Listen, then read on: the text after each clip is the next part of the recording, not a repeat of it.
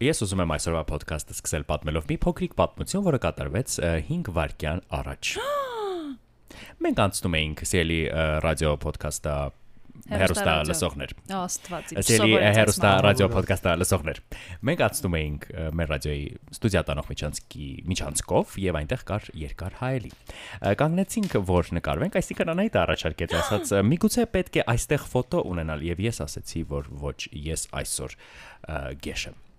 ասաց։ Այո։ Ես էլ էի այնտեղ։ Մենք ասացինք, որ դու միշտ սիրուն ես ելի Կարլը ասաց, խնդրում եմ կյանքում մի անգամ Կարլը ինձ համար լավ բան է արել, թույլ տվեք թող վայելի այս պահը։ Ես Շնորհակալ եմ քեզ Կարլ։ քաղցր բաներ էի վերել։ ճիշտ է կներես մտածել էի։ Նկատի ունեի այսօր։ Ինչ ասաց Կարլը։ Ինչու ենք մենք միշտ մտածում, որ մենք գեշ ենք։ Այս է հարցը։ Գուցե որովհետև դա այդպես է։ Ինչու է դա։ Չէ, բնավ դա այդպես բնավ չի։ ոչ ոքի դեպքում ոչ, ոչ։ Շատ լավ։ Եվ ես ուզում եմ պատմել եւս մեկ պատմություն։ Աստված իմ։ Այսօր ես պատմություններով եմ եկել ոդքասթի, որը իդեպ պատմում է 4 ընկերների մասին, որոնք խոսում են ամեն ինչից Ամեն ինչից։ եւ ամեն ինչի մասին։ Չորս ընկերները, եթե հանկարծ չեք գուշակել, մենք ենք։ Ով ենք մենք։ Ա, Տինկի վինկի։ Լալա, Պո։ Տինկի վինկի, AKA Կարլ, Լալա, AKA Վեգա։ Ես չգիտեմ դա ինչ է նորմալը։ Տելեպուզիկներ։ Դու չես ունեցել ես հիշեցի։ Անահիտը եւ Համլետ։ Ես ուղղակի դից մի փոքր մեծ եմ։ Ես մեկ էլ Պոյի անունն եմ հիշում, դուք ձեր մեջ ընտրեք ով է Պոն։ Ու լալա կար այն։ Լալան ես եմ սիրելի կար։ Ես ուզում եմ լինել այն կանաչը։ Ձիպսի կար։ Ջիպսին է։ Դա ես եմ, Պոն։ Հետևաբար պոն Անահիտ ես եմ։ շնորհակալություն։ Եթե դա քեզ կմխիթարի, Պոին բոլոր ամենաշատն էին սիրում, նա ամենափոքրիկն էր եւ Կարմիրը։ Ինձ դա դուր է գալիս, Ուղղակի ուզում եմ հատկապես ասել, որ ամենափոքրիկը։ Կարլի հերոսը AKA Վինկին ը, պայուսակով էր։ Իսկ դու յուբկա էիր ագնում ամլետ։ Դե լավ, սիրելի Տինկի վինկի, Ջիպսի, Լալա եւ Պո, Լելան ես։ Բայց ես պատմություն էի պատմում, Ների, է։ սիրելի Պո, Տինկի վինկի, Համլետը եկել է այսօր հոգին թեթևացնելու կարծում եմ, միթե քեզ shaming-ի ուղղակի- են ենթարկել Համլետ սիրելի։ Սերի մարդիկ, ինձ body shaming են ենթարկում իմ իսկ ընկերները։ Ովքեր նրանք։ Ա, Գուցե դուք Երբեք եղել նման բան։ Ես հիմա կպատմեմ այն պատմությունը, որը կատարվեց ոչ թե կարա, 5 վայրկյան առաջ, այլ մոտավորապես կես ժամ առաջ։ Մենք պատրաստվում էինք ոդկասթի ձայնագրությանը։ Ես սիրելի մարդիկ ասացի, որ ես Երևանում գտել եմ նոր պաստայի տեղ եւ Անահիտը ինձ անվանեց Չախ։ Ես կպաշտպանեմ այստեղ Անահիտի իրավունքները եւ կասեմ, որ դա պայմանավորված էր բացառապես նրանով, որ Համլետը առավոտից երեկո ինքն է իրեն կոչում չաղ, չնայած դա չի համընկնում իրականության հետ եւ որpիսի նա դաթարի իրեն ասել չաղ, Եկա, մինչև ձեր գալը ընդամենը դրանից 3 րոպե առաջ մարդը պատմում էր այն մասին, որ ինքը այնքան չաղ է, որ հիմա պիտի գնացով եւ ամաչում է դա անել։ Ա դու կոնտեքստից կտրել ես Այո։ խոսակցությունը։ Ահա է։ Ինչպես անում եմ Եվ միշտ։ ես ուտ որպես լավ ընկեր հիշեցնում էի, որ պետք չի ուտել պաստա, եթե դու ուզում ես նիհարել։ Ոչ թե որ դու չաղես եւ տգեղ Քավլիցի։ Մարդիկ ովքեր ինձ գիտեն գոնե առնվազն Instagram-ից հիմա մտածում են այս տղան գիժ է։ այո, ես հենց դա Որովհետև ուզում դու ասել։ փոխում ես քո չափսերը Instagram-ում, Երբեք իսեր աստծո։ Ոչ, Ոնց ես իրականում պատկերացնում որ ես դա կարող եմ անել։ կարող։ ես համաձայն եմ Համլետի։ Ուղղակի ես այդքան էլ չաղ չեմ։ Դա է խնդիրը։ Դու Դու առհասարակ չես, չես։ սիրելի Համլետ։ Շատ կտրուկ եւ ցավոտ սկսեցինք թեման։ Եթե ինչ որ մեկը հանկարծ չի հասկացել, գեղեցկության ստանդարտներից են կարծես թե այ- այսօր այստեղ խոսում։ Ասեք, ծանոթանալիս հատկապես երբ խոսքը գնում է անձնական զորությունների մասին։ Ես վախենում եմ այսօրվա էպիզոդից։ Ցանոթանալիս մարդկանց հետ ուշադրություն դարձնում ենք արտակնին թե ոչ։ Ընտրելիս, զուգընկեր ընտրելիս։ Իսեր աստծո մենք ապրում ենք Tinder-ի դարաշրջանում, որտեղ մենք ընտրում ենք մարդկանց նրանց տեսքով։ Չէ, Կարլ։ Իհարկե, ես ամեն անգամ թերթում եմ, թերթում եմ ձախ։ Եվ չեմ գտնում նրան ում պետք է հավանեմ։ Իսկ դու գիտես ում ես ուզում հավանել, այսինքն դու ունես քո ստանդարտները։ Ունեմ, բայց չեմ կարող ձևակերպել ինչպիսին են դրանք։ Շատ լավ։ Գոնե պատկերացում ունես մտքում։ Դե կարմիր մազերով, Դե այդքան։ լավ, ա, այն որ առաջին տպավորությունը այսպես թե այնպես արտակինն է եւ դրա հետ ոչինչ անել չեն կարող, པարզ է, բայց արդյոք արտակինը կարող է այնքան կարևոր նշանակություն ունենալ, որ օրինակ մարդուն շատ-շատ հավանենք, բայց արտակինը մեր ճաշակով չլինի եւ ոչինչ չստացվի միայն դրա համար։ Ամ, Ես կարծում եմ, որ կարող է այդ տեսակ բան լինել։ Այս վերջերս անընդհատ այս մասին եմ մտածում, որովհետև մի երկու դեպք եղավ իմ ընկերական շրջապատում, երբ մենք խոսում էինք այն մասին, որ օրինակ մարդիկ արտակինով շատ գեղեցիկ են, շատ համակրելի եւ հենց իրենց երազածը, բայց մարդիկ պարզապես իրար հետ խոսելու օրինակ շատ բան չունեն եւ դա կարող է խանգարել հարաբերությունները։ Սա մենք հասկանում ենք, որ կարող է։ Ինձ թվում է հասկանում։ ինձ թվում է հակառակն էլ կարող է լինել։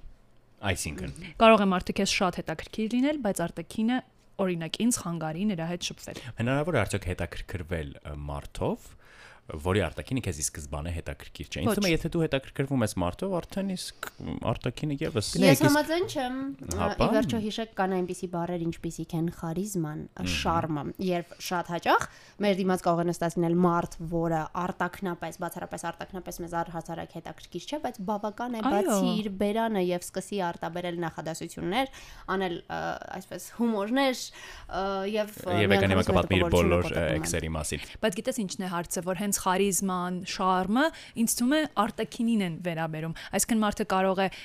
գեղեցկության ստանդարտների մեջ չլինել, բայց շատ գեղեցիկ թվալ քեզ, որովհետև ունի օրինակ այդ խարիզման։ Կսահմանեք ինչ է արտակինը ձեզ համար որովհետև այն որ դուք ասում եք ինձ համար ամբողջովին տեղավորվում է արտակնի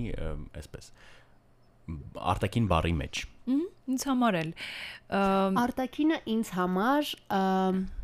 մեր կերպարն է ստեղծված ուրիշների համար։ Այն ինչ մենք ցույց ենք տալիս բոլորին խոսքը մտերիմների մասին չէ, այսինքն առաջին տպավորությունն է, որի վրա մենք աշխատում ենք եւ որը մատուցում ենք մարդկանց։ նկատի ունես հակոստը Հակոստը, շպարը, նույնիսկ խոսքի մանյարան կարող է լինել այս դեպքում գուցե մեր լսած կամ սիրելի երաժշտությունը կարող է լինել այս արտաքին տպավորության մեջ։ Իհարկե մենք խոսելու ենք դրա մասին, պատմելու ենք, չէ՞։ Դե եթե նա երկում է Ժոր Դիլբարյան, ը, կարծում եմ ինչ որ չափ ը, արտակինը կ- կփչանա։ Ինչ։ Լավ, առաջին պահին, առաջին հայացքից մենք բնականաբար մարդու արտաքինին ուշադրություն դարձնում ենք, այսինքն հատկապես եթե մենք ուզում ենք իր հետ ինչ որ հարաբերություններ ունենալ։ Արդյոք այս տպավորությունը կարևոր է դառնում նաև, չգիտեմ, մի քանի ամիս անց, երբ մենք մարդուն սկսում ենք ավելի լավ ճանաչել։ Ա, Կարծում եմ ոչ։ Այո։ Ոչ այնքան։ Գուցե երբեմն միևնույն է նայում ես եւ ասում ես Աստված իմ ինչ գեղեցիկ է ամեն դեպքում։ Օ դե շատ գեղեցիկ է էլի։ Գուցե դա աշխատում է, բայց վստահեցնում եմ, որ գեղեցկության ստանդարտներից դուրս արտակին ունեցող մարդն էլ, երբ նրան շատ է սիրում, նա քո աչքին միշտ գեղեցիկ է թվում։ Օրինակ ես հիշում եմ, երբ դպրոցական տարիներին ես հիշում եմ շատ կար չէ այդպիսի բան, որ այ այդ մեր պատանեկության տարիներին հատկապես շատ էր դա շեշտվում, շատ կարևոր էր ով էր գեղեցիկ, ով է դպրոցի գեղեցիկ աղջիկը եւ հիշում եմ երբ ինչ որ չար տղաներ փորձում էին իմ ընկերուհիներից օրինակ մեկին ասել տգեղ կամ որ նա գեղեցիկ չէ Ես դա չէի կարողանում անցնել, որովհետև ինձ համար այնքան գեղեցիկ են եղել միշտ այն բոլոր մարդիկ, ում ես ով ինձ հարազատ է, ում ես սիրում եմ։ շատ կարևոր բան ասացիր շատ կարևոր բան ասացիր որովհետև եթե մենք փորձենք սահմանել ինչ է գեղեցիկը կարող եք օրինակ ասել ա յուրաքանչյուր կասեք ինչ է ձեզ համար գեղեցիկը ես էլի անահիտ Ես սիրում եմ մարզված մարդկանց։ Ոչ թե ոչ թե կոշմար բառ որը ես ասում եմ այն դեպքերում երբ պարզապես չեմ կարողանում մարսել լսածս դե նախադասությունը սպասիր, պիտի բացատրեմ, չէ՞։ Բացատրեցի։ Ինձ համար գեղեցիկ են խնամված, մարզված մարդիկ։ Այսինքն ես ինչի։ Հա։ No, դոլարով նորմալ է, նա ունի անձնական նախընտրություններ եւ ճաշակ, սիրելի ես Համլետ։ դուրս կգամ հիմա այս ստուդիայից Ես նախընտրում եմ մարզված եւ խնամված մարդկանց, որովհետեւ կարծում եմ, որ մարդը պիտի հոգ տանի իր արտեքնի մասին, ինչպես եւ հոգու։ Հարցեր Համլետ։ Համլետ, դու ում ես նախընտրում։ ես իրականում ոչ թե ասում էի թե ում եմ նախընտրում կամ հարցնում էի դա Իսկ դու ասա։ այլ ուզում էի որ մենք ամեն մեկը սահմանենք թե ինչն է գեղեցիկ մեզ համար Դե Դե ես սահմանեց մուսկուլոտը տղաների է սիրում հա։ չէ, Մուսկուլոտ հարցը տղաներն միայն են գեղեցիկ Ոչ, ոչ, հարցը մուսկուլոտի մասին չի, մկան մկանների մասին չի։ Ոնց բաց խոտրեմ։ Ա, Բացատրեցի Մարդով հոգ է տանում իր մարմնի մասին, դա է քո պատկերացումը։ Խնամված մարդկանց, դա է գեղեցկությունը։ Շատ լավ, սիրելի Կարլ։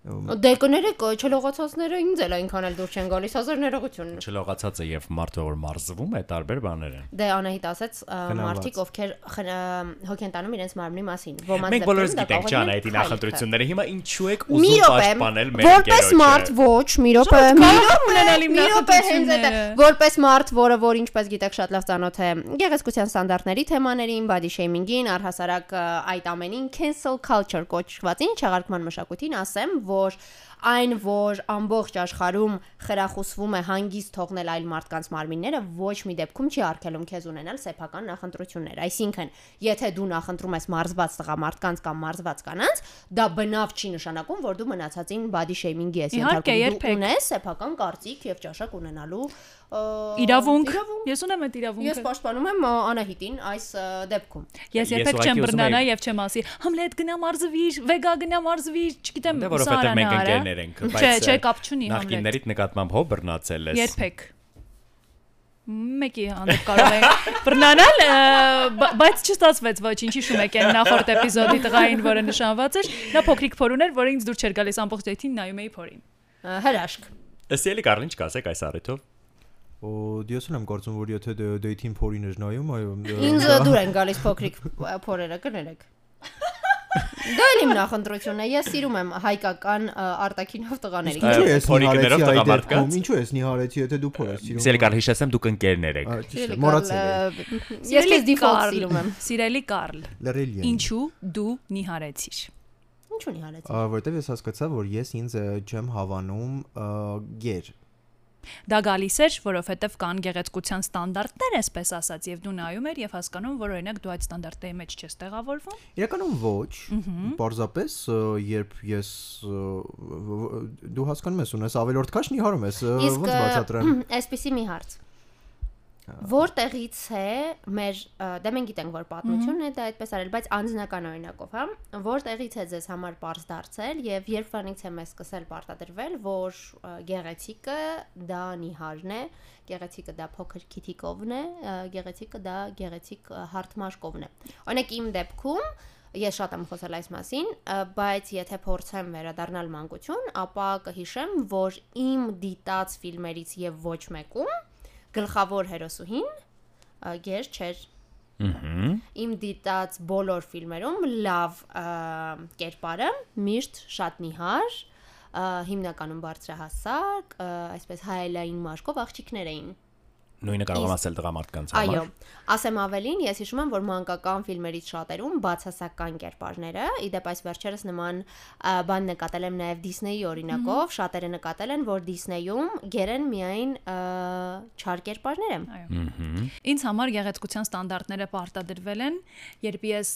փոքր էի եւ ինչպես գիտեք, ես մի քիչ ավելի մուկ մաշկ ունեմ հայաստանյան իրականության համար։ Ա, որը շատ գեղեցիկ է շատ։ Շնորհակալություն, բայց այ եթե այս արտահայտությունը ես օրինակ լսեի դպրոցում, դպրոցական տարիքում, ես կգնայի տուն եւ լաց կլինեի, որովհետեւ կկարծեի, որ պարզապես ինձ ծաղրում են մարդիկ, որովհետեւ փոքր ժամանակվանից մեր տանը անընդհատ ոչ միայն տանը, տանը ընտանիքում, այլ գերդաստանում այնպես խոսում էին ինչ որ մարդկանց մասին եւ ասում էին սպիտակ սիրուն երեխա, սպիտակ սիրուն կին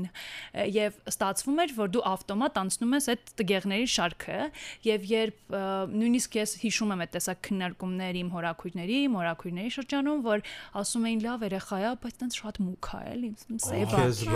Հետևաբար ուզում եմ հասկանաք, որ ես ամբողջ կյանքում ունեցել եմ կոմպլեքսներ հենց այդ ստանդարտների պատճառով եւ այնպես է ստացվել, որ ես միշտ համարել եմ ինձ տգեղ։ Երբ արդեն դպրոցս փոխեցի, թաղի դպրոցից գնացի ուրիշ դպրոց, որտեղ ինձ մարդիկ չէին ճանաչում ու ինձ ասում էին դու սիրուն ես, ես լացում էի, որովհետեւ ինձ թվում էր, որ ինձ ծաղրում են։ Այ քեզ բան։ Իրականում մենք խոսում ենք այն մասին, թե որն է յուրաքանչյուրիս պատկերացումը գեղեցիկի մասին, ըստ իս գեղեցիկն այն է, ինչը համապատասխանում է մեր պատկերացումներին։ Այսինքն ամեն մեկս ունենք մեր պատկերացումները գեղեցիկի մասին եւ համարում ենք ինչ-որ բան գեղեցիկ, եթե այն համապատասխան է դրանց իմ պատկերացումները ձևավորվել են կրկին նույն ֆիլմերի գեղեցիկ եւ ուժեղ տղամարդկանց օրինակների վրա, որոնք ես բարբերաբար տեսել եմ մանուկ հասակում եւ շատ հետաքրքիր է որ մեր սերի դեպքում, օրինակ եթե ձեր սերի դեպքում ինձ թվում է որ այդ նիհարությունը, սպիտակությունը եւ այլն կապում են նրբության եւ այլ կանացի որակների հետ, սովորաբար, ապա մեր սերի դեպքում արտաքինը ուղիղ կապ ունի նաեւ ուժի հետ։ Բրուտալության։ ասած, դոմինանտության։ Գեղեցիկ տղամարդը հավասարվում էր ուժեղ տղամարդուն, մկանոտ, ավելի այսպես դրբով Կարլ թարգմանիչ։ մարմնեղ էթիկներ հաղթանդամ շատ լավ մարմներ թիկներ հաղթանդամ տղամարդիկ են եղել օրինակները եւ բնականաբար երբ դու օրինակ 13-14 տարեկան մի քիչ չաղլիկ համլետիկն ես ով գնում է դպրոց եւ սիրում է շատ ուտել բուֆետից առած բուլկիով նրբերշիկները Ա, 60 դրամ շատ համով էր 60 դրամ 120 մեր դեպքում իդե 120 թանկարժեք դպրոց է գնացել համլետը Թանկորժակ դպրոց չի գնացել, Այն ասած ուղղակի իմ շատ սիրելի Սեդա ը, որը պատրաստում էր այդ ներբերշիկո բուլկիները, իմ ամենասիրած մարդկանցից մեկը այս կյանքում, ինչև է այդ Համլետը, որն ուտում էր այդ բուլկիները, հենց այդ տարիքից էլ սկսել է ձևավորել կոնֆլիկտը։ Նրա միջև ինչն ինքը կար Եվ գուցե նաև ուզում էր լինել, եւ նրա միջև ինչ որ հասարակությունը ենթադրում էր, որ փոքրիկ Համլետը պետք է լիներ ու դառնար, նաև արտակնապես։ Իսկ այ եթե փորձես օրինակ բերել, առաջարկում եմ ամեն մեկս նշի, որն էր այն օրինակը գեղեցկության, վստահ եմ բոլորս ունեցել ենք այն առաջին մարդը, ում մենք տեսանք եւ նա դարձավ մեր այսպես արտաքին իդեալը, մեզ հերոստատեսությունը պարտադրեց այդ մարդուն որպես մեր իդեալը։ Ով էր այդ գեղեցկության ստանդարտը քեզ համար։ ես այդպես ինչ ունեմ օրինակ Հետաքրքիր է, որ իմը իրական մարդ է եղել, իմ լողի մարզիչը։ Վաու։ որովհետև բնականաբար ինքը հաղթանդամ էր, որովհետև լողորդ էր եւ ես էլ փոքր ժամանակ լողի էի գնում ու ինձ համար նա արտակնի տեսանկյունից լավ օրինակ է եղել ու երկար տարիներ ձգտել եմ լինել այնպես ինչպես ինքը։ Եվ ընդհանրապես իմ մարզիչները ոչ միայն լողի մարզիչը, որովհետև այդ նույն փոքրիկ Համլետը, որը բուլկիներ էր ուտում, բնականաբար ճնշման ներքո հասարակության հենց այդ փոքր տարիքից էլ սկսեց հաճախել մարզասրահ, որը ամենալուրջ հարցերից մեկն է, կարծում եմ մարդու ձոկեբանության ձևավորման համար, որովհետև մարզասրահի հետ մեր հարաբերությունը շատ-շատ բան կարող է ասել մեր մասին եւ մեր ընկալման ինքներս մեր մասին։ լողի մարզիչը տարիքով կին էր կարծում եմ ես եկա։ Դες Համլետ հետաքրքիր բան ասացիր։ Ասա կարծում ես նրան եմ նման։ Ես ուղղակի ուզում ասել, որ երեքիցը ամենաշատը Կարլին եմ սիրում։ Շատ լավ։ Բոլորը իդեպ։ Բոլորը չգիտես։ Դա է մեր խնդիրը։ Համլետ հետաքրքիր է, որ ես հերոստատեսային կերպար էի ման գալիս, ը, նշելու համար թե ով է եղել այդ իդեալը ինձ համար, այնտեղ պատտվում էի Մեգան Ֆոքսի շուրջ եւ այլն, բայց երբ ասացիր, որ իրական մարդ էր, ես էլ հիշեցի իմ կոմպլեքսների եւ միաժամանակ հիացմունքի առարկայի մասին։ Գլխավոր հովանավոր։ Գլխավոր հովանավոր իմ դեպքում նկարչությանս ուսուցչուհին էր, որը համատեղության կարգով նաև իմ մայրիկի ընկերուհին էր, նա մոդել էր։ Նա իր իրոք մոդել էր, շատ բարձրահասակ աղջիկ էր, շատ բարձրահասակ եւ հիշում եմ նա շատ էր սիրում, ինձ շատ էր սիրում եւ սիրում էր ինձ իր հետ տարբեր տեղեր տանել, երբ հյուր էր գնում, երբ ժամադրության էր նույնիսկ գնում, ես շատ հաճախ իր հետ էի գնում եւ հիշում եմ, որ ես իրեն դիմում էի ընկեր Լենա, նա նա ինձ վրա բարկանում էր, ասում էր՝ «Մյուս անգամ ուրիշների մոտ չասես ընկեր, մտածում են, որ ես շատ մեծ եմ»։ Ասում էի շատ լավ եւ հիշում եմ, որ բոլորը այսպես հիացած շրջվում նրան էին նայում եւ թե իր հետո հիշում եմ իր եւ մայրիկիս խոսակցությունները այն մասին, որ ես նման եմ իրեն փոքր տարիքում, որ ես անպայման մեծանալու եմ եւ այդքան բարձրահասարկ եմ լինելու։ Եվ հիշում եմ, որ միշտ մայրիկը, ստատիկը, այդ աղջիկը միասին կքննարկեին, կասեին, «Ամ, «Վեգան գեղեցիկը միայն թե կոլոտ չմնա, միայն թե կոլոտ չմնա, միայն թե կոլոտ չմնա»։ Եվ մանկուց դա իմ ինչ որ վախներ, տպավորիչներ, որ իրենք փոքրիկ, որ իրենք պլանավորում էին մոդել մեծացնել, հատկապես հիշում եմ մայրիկը ինձ տանում էր այդպես գեղեցկության ինչ որ մրցույթների, կենթանի տիկնիկ էր կոչվում, որն էլ իր հերթին իրականում իմ մանկական հոգեբանությունը քիչ չի խարխլել, եթե անկեղծ լինենք։ ասա որ հաղթել հիշում եմ, ես որ հաղթելով չէր կարծեմ, չեմ հիշում ինչ էր։ Եվ նաև հիշում եմ, որ արդեն դեռահաս տարիքում երբ մարդիկ որոշում են, որ այդ տարիքում աճը կանգնում է, այսպես ասած, մի օր մայրիկս այսպես հիա- հիասթափված ասաց էլ ոյ չի քաշի։ Եվ շոկողվեցի։ ինձ թվաց տպավորություններ, որ ես հիասթափեցրել եմ, ինչ որ բան այն չեմ արել։ Իսկապես տպավորություն էր չգիտեմ ինչ էին ինձ փորձում մեծացնել իրականում հիմա ես շատ սիրում եմ իմ հասակը ես ոչ շատ ցածրահասակ եմ ոչ շատ բարձրահասակ եմ 1.62 սանտիմետր բոյ ունեմ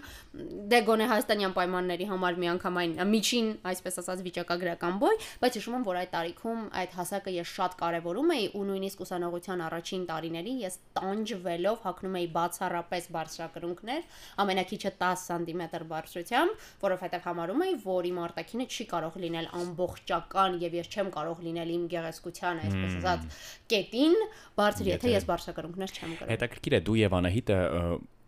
Կարլը չեմ հիշում, բայց անում եք շեշտադրումներ, որոնք կապված են հասարակության հետ։ Այո։ Այսինքն տպավորություն է, որ ձեր արտակնի մասին ձևավորած պատկերացումների վրա շատ են ներազդել մարդիկ կամ հասարակությունը։ Իհարկե, իհարկե, որովհետև եթե մենք նայենք սրան կողքից, հասկանում ենք, որ միևնույնն է, ինչպես արդեն խոսեցինք, այս գեղեցկության ստանդարտները մեզ պարտադրվում են։ Եվ ի վերջո, փոքրիկ աղջիկը կամ փոքրիկ տղան ինքն իրեն սկսում է սիրել, երբ հասկանում է, որ օրինակ իր ծնողները իրեն շատ են սիրում, երբ խոսում են անընդհատ դրա մասին։ Ես հիշում եմ ունեի ընկերուհի, որը միշտ ինձ թվում էր, որ նա շատ գեղեցիկ է, որովհետև ես անընդհատ իրենց տանը լսում էի, թե ինչպես են իրեն գովում։ Ինձ Արքադուստեր, մոտ- թագուհի, գեղեցկուհի եւ այլն։ Իսկ ես օրինակ այդ զգացումը երբեք չեմ ունեցել։ Ինձ մոտ հենց այդպես էլ եղել է։ Ինչ էի ուզում ասել։ Դա քեզնից երևում է սիրելիս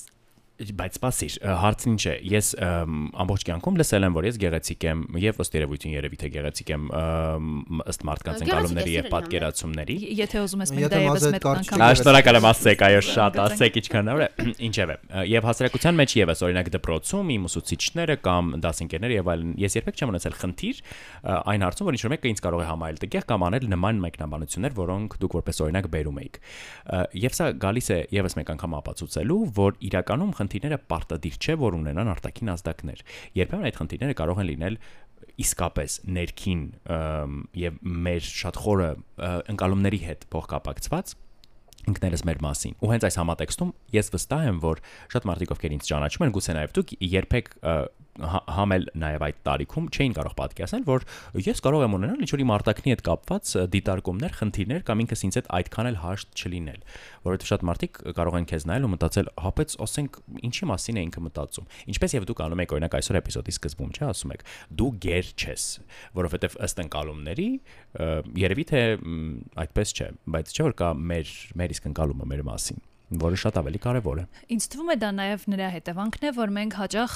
ձգտում ենք կատարելության ամեն ինչում, չէ՞։ Մենք միշտ մտածում ենք այն ամենի մասին, ինչ մենք չունենք եւ ինչքան լավ կլիներ, եթե մենք դա ունենայինք, չգիտեմ։ Եթե քիթս մի փոքր ավելի փոքր լիներ, եթե մազերս ավելի արագ երկարեին, եթե ը, մազերիս գույնը այլ լիներ, մենք միշտ մտածում ենք, որ մենք ավելի գեղեցիկ կլինեինք Եթե մազեր ունենայի։ Կարլ դա խնդիր է։ Իմ Ապոլոն, Իհարկե, խնդիր է։ իմ Ինչու է Զևս։ Շելի վեգա։ վեգան միշտ վեգան ստում եմ։ Կարլին, եթե Իմ Վահագն։ Իմ իմ համար դա խնդիր է։ Տիժ։ Նո Ա, Կարծում եմ իմ համար մի փոքր խնդիր է դա։ Բայց դու ճաղատ չես։ Ա, Բայց իմ մազերը շատ ակտիվ թափվում են։ Ահա։ Դա խոսում է տղամարդկության մասին։ Շնորհակալ եմ։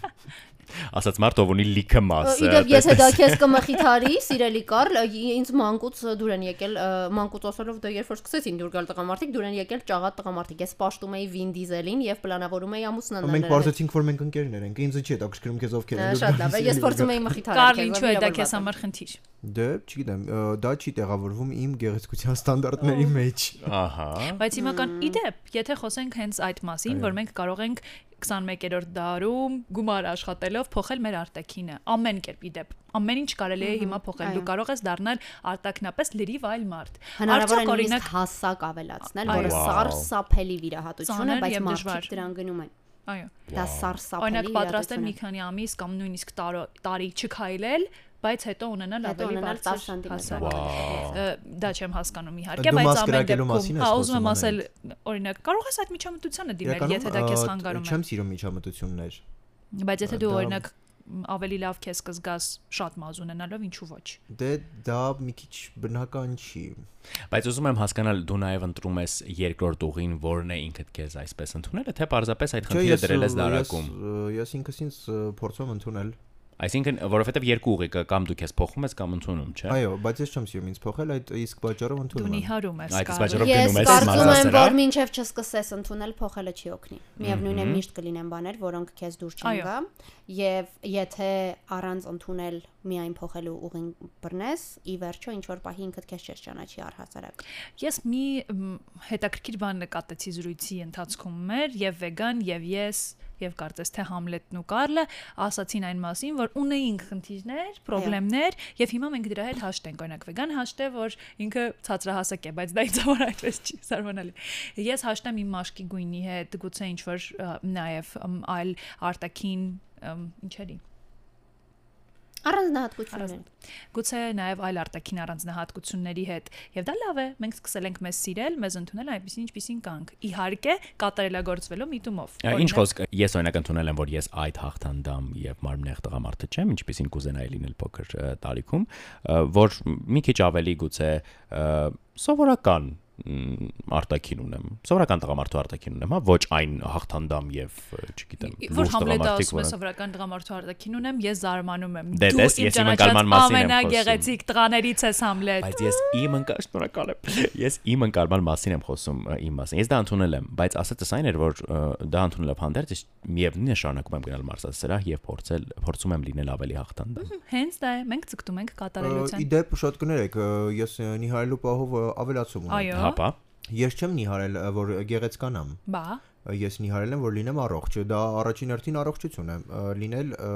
բնական նորմալ ճիշտ քաշի, որը Կարլ Պապին է մեծ յուրիք։ Եվ ի վերջո ինքդ քեզ ընդունելը եւ սիրելը չի նշանակում, որ դու չես կարող աշխատել քո արտաքինի վրա։ Այդտեղ ոչ մի վատ բան չկա, դու կարող ես քեզ սիրել, ընդունել, օ, բայց միևնույն ժամանակ, չգիտեմ, փորձել լինել ավելի առողջ, ինքդ քեզ ել ավելի դուր գալ։ Այսինքն կարևորը պարզապես որ դա չհասնի ինչ որ ինքնագնահատ ինքնակննադատության ու ինքդ քեզ չսիրելու այնպիսի մակարդակի, որ դա սկսի քեզ խանգարել, Հիմա մի կանոն են ընդունել body positivity շարժման հետևորդները, այն է, որ արտաքինի մասին մտերիմներին կարելի է մեկնաբանություն թողնել։ Այն է, որ մտերիմների արտաքինի մասին կարող ես մեկնաբանություն թողնել միայն այն դեպքում, որ այն ինչը բարձրաձայնում ես հնարավոր է հենց այդ պահին շտկել։ Օրինակ, գիտես այս շրթներքիդ գույնը եթե փորձես այն մյուսը կարող է ավելի գեղ, այսինքն երբ փորձում ես նրան, օրինակ չգիտեմ, երեկոյի եք Ուղղորդել։ գնում, փորձում ես ավելի գեղեցիկ դարձնել, բայց դա պետք է արվի շատ նուրբ կամ չգիտեմ, ամենա պրիմիտիվը, որ շրթներքը քսվել է ատամիտ, օրինակ։ Բայց երբեք չի կարելի, եթե մարդը մազերը արդեն կարճ է կտրել, պետք չի ասել, որ դա շատ տգեղ է ստացվել, եթե պարզապես դու այդպես ես կարծում, այդ մարդը արդեն կտրել է ու ոչինչ չի կարող անել։ գուցե իրեն դուր է գալիս։ Իսկ կարելի է ասել, որ մազերը դկարճ չկտրես, որովհետև տգեղ է։ Ոչ, երբ որ երկարի, կարող ես ասել, գիտես, ինձ այսպես ավելի է չէ, դուր գալիս։ մինչև կտրելը նկատի ունի Կարլը, որովհետև հիմա Համլետը այդ դիլեմայի առաջ Մինչև է կտրելը կարող ես ասել, որ ինձ այսպես ավելի է դուր գալիս։ հետո ենթադրվում է, որ ես պիտի գնամ եւ կտրեմ իմ մազերը, որովհետեւ այդպես եմ ուզում։ Շատ լավ։ Այո։ Եվ մի բան, Քաչալացիր, այ այ տենց։ Եվ մի բան, մենք սովորաբար սիրում ենք ասել բացասական բաները, մենք սիրում ենք անընդհատ խոսել փոփոխությունների մասին, որոնք կդառնան հետո դրական, բայց մենք շատ քիչ ենք անում հաջողախոսություններ։ Եվ ես այն մարդկանցից եմ, որ անընդհատ սիրում եմ բարձրաձայնել գեղեցիկ բաների մասին։ Խնդրում եմ, եթե դուք տեսնում եք, որ ձեր ընկերը այսօր գեղեցիկ է, եթե գեղեցիկ շոր է հագել, եթե պարզապես իր լավ տրամադրությունից այսօր աչքերը փայլում են, ասացեք այդ մասին։ Իդեպ ուզում եմ արձանագրել, որ մեր ընկերախմբում դա շատ ընդունված է, մենք միշտ իրար գովում ենք եւ միշտ ի իրար սրտե ա, եւ մենք իսկապես հիանում ենք միմյանցով եւ միշտ իրար կոմպլիմենտներ ենք անում բոլորս իրար։ ունեցեք մեր նման ընկերներ։ Մի քիչ դժվար կլինի, բայց փորձեք ունի։ Ես ուզում եմ մեր հերոստա ռադիո ոդքասթը լսողներին ասել, որ իրականում ինչպես այսօրվա խոսակցությունից հասկացաք, դուք մենակ չեք։ Եվ մենք բոլորս ունենք խնդիրներ մեր արտաքնի հետ կապված, եւ այդ նույն խնդիրները ունեն նաեւ այն մարդիկ, որոնք դուք անգամ ենթադրել էլ չեք կարող, որ կարող են ունենալ։ Եվ այն մարդիկ, որոնք ձեզ նաև մատնացույց են անում հենց ձեր խնդիրների Այո, մասին։ այո, ունենք բոլորս, այնպես որ դուք մենակ չեք եւ դա ամենակարևոր մխիթարող հանգամանքն է այս ամբողջ թոհու բոհի մեջ։ Ի վերջո դուք մենակ չեք, որովհետև նաև յուրօրինակ եք ձեր տեսակով եւ եթե դուք այդ այդ տեսակ եք ծնվել, ուրեմն դա է ձեր չամիչիկը, սիրեք ձեզ։